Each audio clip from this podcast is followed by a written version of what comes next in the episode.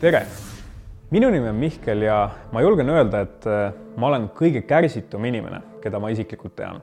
seda imestunum olin ma, kui mulle pakuti võimalust kõneleda tänasel teemal oota Jumalat. Jumala ootamisega seostub mulle esimese asjana kannatlikkus. ma ise pean ennast ja ka minu abikaasa tõenäoliselt nõustub sellega, et ma olen väga kannatamatu inimene. piisab sellest, kui Woldi kuller on viis minutit hiljaks jäänud ja juba ma ärritun või ma ärritan, kui minu kaheaastane poeg ei kuula koheselt minu sõna. minu jaoks on ootamine piin. ma saan teoorias väga hästi aru, et kannatlikkus on voorus, kuid äh, nagu Paulus ütleb, head, mida ma tahan, ma ei tee, vaid paha, mida ma ei taha, ma teen. ja kuigi kannatamatus ei ole justkui hea või halb, siis äh, ma usun, et paljud samastuvad minuga. me tihti teame, mis on õige ja kuidas peaks tegema, aga me ei suuda seda rakendada ma kahtlesin tugevalt, et kas minusugune kannatamatu inimene peaks sellisel teemal kõnelema. ent ma sain rahu, et äh, võib-olla see ongi minu võimalus õppida Jumalat kannatlikumalt ootama. loodan, et ka sinul on võimalus Jumalat kannatlikult ootama õppida, kuulates täna neid mõtteid, mis Jumal mulle südamele on pannud. tänane video on kolmas ehk viimane osa meie kolmeosalisest seeriast Ootused kui sa varasemaid ei ole näinud, siis soovitan vaadata. Valtrik ja Dione rääkisid ootustest laiemalt eelnevates videotes. kui sa oled üldse esimest korda 3D koguduse kõnesid vaatamas või ei tea, et miks me peaksime just Jumalat ootama, siis järgnevad minutid räägin ma just sulle. samas, eks loomulikult on need mõtted ka meile kristlastena oluline aeg-ajalt meelde tuletada selleks, et fookus paigast ei läheks. ma küsin sinult, mida või keda ootad sina kõige enam? mis meenub sulle esimesena? me kõik ootame siin elus midagi. me oleme oodanud erinevaid asju juba sünnist saati. kui laps sünnib, siis ootab ta peamiselt emalt süüa või mähkmevahetust. kui laps vanemaks saab, ootab ta enda sünnipäeva, ootab kingitusi. kui laps läheb kooli, ootab ta suvist koolivaheaega. täiskasvanuna ootame näiteks puhkusereisi, jõulupreemiat või ametikõrgendust võib-olla ootad sina, et saaksid kolida suuremasse korterisse või majja või osta uue auto. me kõik töötame millegi nimel ja ootame midagi. küll aga on oluline aeg-ajalt aeg maha võtta ja küsida, mida me tegelikult ootame. kõike, mida ma eelpool mainisin, iseloomustab üks. Need ei rahulda meid mitte kunagi. kui me ka saame selle, mida me ootasime, siis me tahame enamat. kui laps saab süüa, ootab ta järgmist söögikorda kui puhkusereis lõpeb, ootame muud ja paremat. kui me saame endale uue auto, siis alati on kuskil uhkem auto. me alati januneme millegi parema järgi. meil ei saa kunagi isu täis ilmalikest asjadest. mida aeg edasi, seda enam me saame aru, et need asjad meid ei rahulda. olen seda omal nahal tunda saanud korduvalt. üks lähiaastate näide on midagi, millega kindlasti paljud mehed samastuvad. autod circa viis kuni kuus aastat tagasi tuli välja uus Škoda Superb. mäletan, kuidas olles ise veel ülikooli tudeng, kes vaevu suutis autot lubada, nägin seda autot liikluses ja mõtlesin, see on auto, millega tahaks kunagi sõita. ootasin pikalt seda hetke, millal võiksin igapäevaselt selle autoga sõita. nüüd, viis aastat hiljem, on mul see võimalus. küll aga mu vaimustus ei kestnud pikalt, sest vahepeal on välja tulnud uued mudelid on autosid, mis on veelgi paremad, on erinevaid funktsioone, mida tahaks kasutada ja nii edasi. minus tekkis rahulolematus. olgugi, et ma olin saanud selle auto, mida olin pikalt oodanud, siis ei olnud ma rahul. minu suurim väljakutse on nii autode kui tehnika valdkonnas pidevalt mõelda või oodata, et millal midagi uuemat või ägedamat välja tuleb. sellele mõtlemine ja, ja ootamine võtab ka aega ja tähelepanu. aga ma olen ajas selgeks saanud et need asjad ei vääri ootamist, need ei rahulda mind lõpuni. Need asjad ei ole otseselt halvad, kuid meie peamine tähelepanu ei peaks nendele keskenduma. kuidas nendesse asjadesse suhestuda, räägin ma natukene hiljem.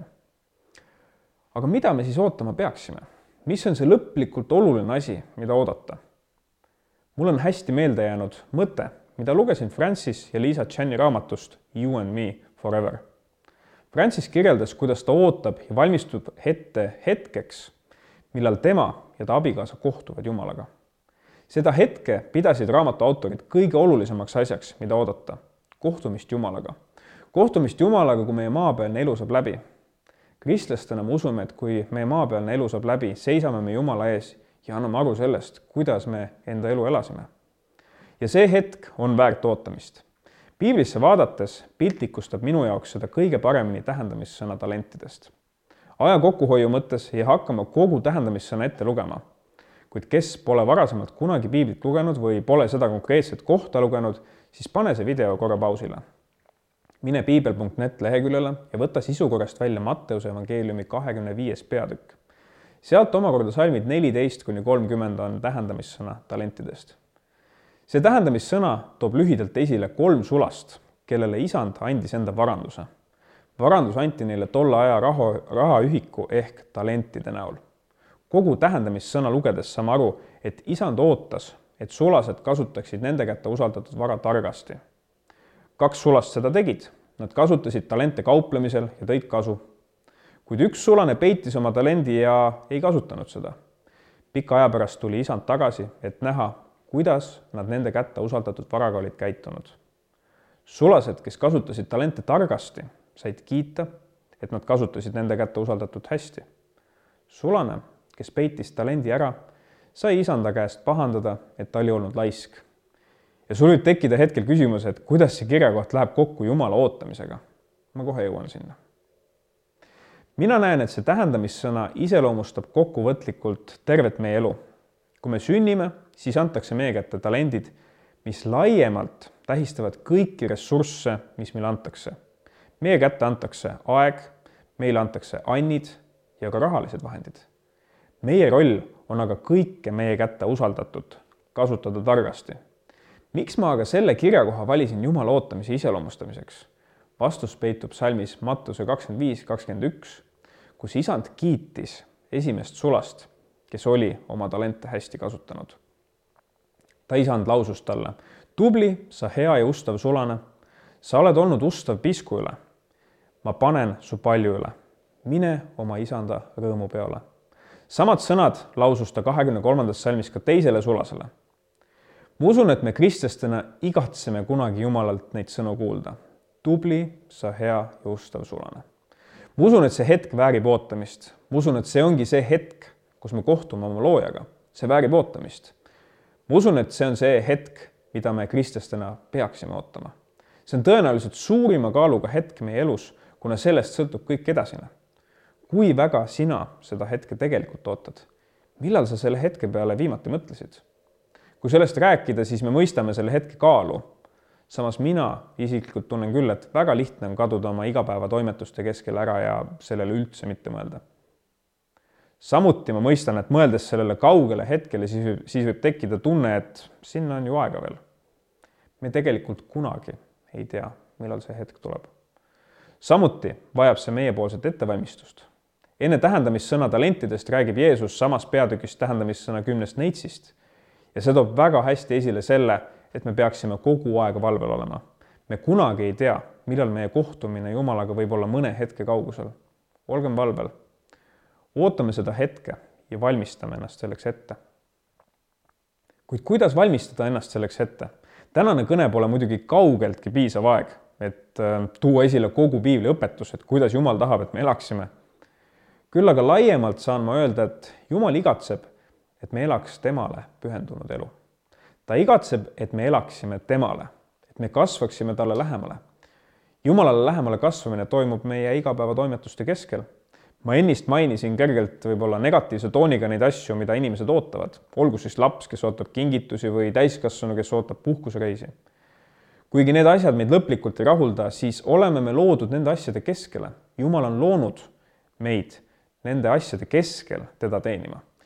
ja ma usun, et me ei peaks ilmalikust eemalduma, vaid nagu Kolossa kolm kakskümmend kolm ütleb, mida te iial teete, seda tehke kogu hingest, nõnda nagu issandale ja mitte nagu inimestele. enne võis jääda mulje, justkui ma annaks hinnangu, et puhkusereisi või ametikõrgendust ei peaks me ootama, kuna need ei, meid ei rahulda. Seda ei tahtnud ma öelda. küsimus on, et mida me täpselt selle juures ootame. kas me ootame ametikõrgendust, et saada au ja kõrgem palk? või me ootame seda, kuidas Jumal saab meid uuel töökohal kasutada? see on oluline perspektiivivahe. me võime oodata õhinal ilmalikku asju kuid hea on katsuda südant läbi, et mida me tegelikult sellest ootame. kui me suudame kõiki asju oodata läbi igavikulise perspektiivi, siis ähm, oleme me põnevil sellest, mida Jumal meid ümbritsevate olukordade kaudu teeb.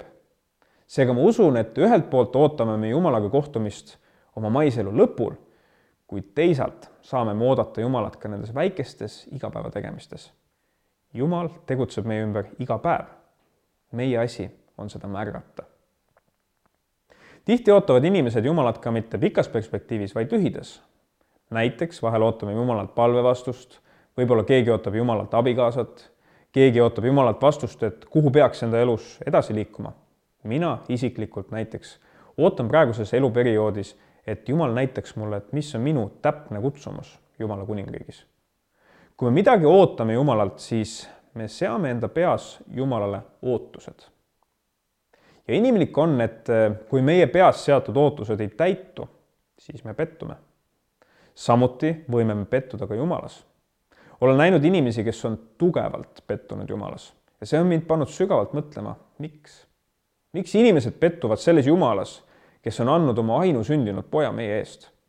ainus vastus, milleni olen jõudnud, on valed ootused. inimene pettub, kui tema ootused ei täitu. võib-olla oled sina täna kuulamas seda kõnet ja mõtled, ma olen pettunud Jumalas. aga ma küsin sinult, milles sa täpsemalt pettusid ja mida sa Jumalalt ootasid? Ja kas see ootus Jumala suhtes oli piibli valgel õigustatud? ma toon mõne illustreeriva näite uskudes, et Jumal on kõikvõimas ja hea, siis võime vahel arvata, et me ise ei pea mitte midagi tegema. võib-olla usud sa, et koolis eksami sooritamiseks piisab vaid palvetamisest. õppima ei peagi. küll Jumal annab mulle õiged vastused. kuid sa jõuad eksamile ja põrud. mõtled, miks Jumal mind ei aidanud? Kuid Jumal ei ole kunagi lubanud meie laiskust õnnistada. Jumal ei ole lubanud, et ta teeb meie eest kõik ära, vastupidi esimese Moosese kolmandas peatükis peale keelatud vilja söömist ütles Jumal Aadamale, et me peame rasket tööd tegema. Jumal ootab, et me annaksime oma panuse. küll tema meie panust õnnistab nii, nagu tema näeb, et õiglane on. ja teine näide. kui Jumal on hea, siis miks on maailmas nii palju halba? See on väga populaarne küsimus, kuid kokkuvõttes taandub see ootustele. selle küsimuse esitamine eeldab justkui maailmas ei eksisteeriks kurjust, vaid ainult headus. kuid Jumal pole oma sõnas kordagi maininud, et kurjust siin maailmas poleks. kurjus eksisteerib ja paljud halvad asjad, mida me enda ümber näeme, ongi kurjuse viljad. ja kindlasti on veel palju näiteid, mida võiks tuua, kuna iga inimene on individuaalne. Kuid kui sina täna tunned, et sa oled pettunud Jumalas, siis julgustan ma sind küsima endalt, milles sa pettusid või oled pettunud, mis ootustele Jumal ei vastanud ja kas piibli valgel me üldse midagi sellist saame Jumalalt oodata? nagu ma alguses mainisin, olen ma väga kannatamatu inimene. kannatamatus teeb ootamise väga raskeks. kannatamatus on vaid üks mitmetest põhjustest, miks meil on raske Jumalat oodata. Kuid jagades isiklikul pinnal, siis minu kannatamatus või kärsitus on lihtsalt märk sellest, et ma ei usalda Jumalat. ma mõtlen, et äh, äkki Jumal unustas mind ära see kõlab välja öeldes jaburalt või isegi naljakalt, kuid südametasandil on see tõsi. mul on lihtsalt vastupandamatu huvi tuleviku osas. ma tahaks juba teada, mis Jumalal on plaanis minu elule tulevikus. ja kui ma ei näe Jumalat kohe tegutsemas, siis mul on tunne, et ma pean lihtsalt ise ohjad enda kätte võtma, selle asemel, et kannatlikult oodata. ent siis ma küsin endalt, kas ma ikka pean kohe teada saama? hea võrdlus meie väikelapsega. kui me teame, et järgmine päev on midagi põnevat tulemus me ei räägi lapsele seda eelmine päev, kuna ta oleks nii põnevil, et ta ei saaks magada. kuna ta on veel väike, eh, siis ei saa ta aja kulgemisest hetkel veel ka lõpuni aru. nagu lapsed oma vanematega, nõnda meie oma Jumalaga. ka Jumal ei näita meile kõike kohe. Ja lisaks laste analoogile on veel üks põhjus, mis olen avastanud. nimelt Jumal tahab, et me keskenduks olevikule, sellele, kus me praegu oleme. kui me praegu teaks juba ette, mis tulemas on siis ma võib-olla oleksin sellest nii põnevil, et ma unustan ära, mis mu roll praegu olevikus on. ma ei pruugi kasutada neid võimalusi, mis mul praegu on. jumal tahab, et sarnaselt tema jüngritele me elaks päev korraga ja leiaks igas päevas võimaluse teda teenida. Leiaks igas päevas võimaluse kasvada talle lähemale, võimaluse ennast ette valmistada selleks päevaks, kui Jumalaga viimselt kohtume. täna räägitu kokkuvõtteks tahan sulle, kallis kuulaja jätta kõlama mõned mõtted ja küsimused, mis aitavad täna kuuldut enda ellu rakendada. mida või keda ootad sina täna kõige enam? kuidas paneb sind tundma mõte, et iga hetk võib minu elus lõpp, minu elu lõppeda ja ma seisan Jumala ees? kas sellest tundest lähtuvalt igatsed sa midagi enda elus muuta?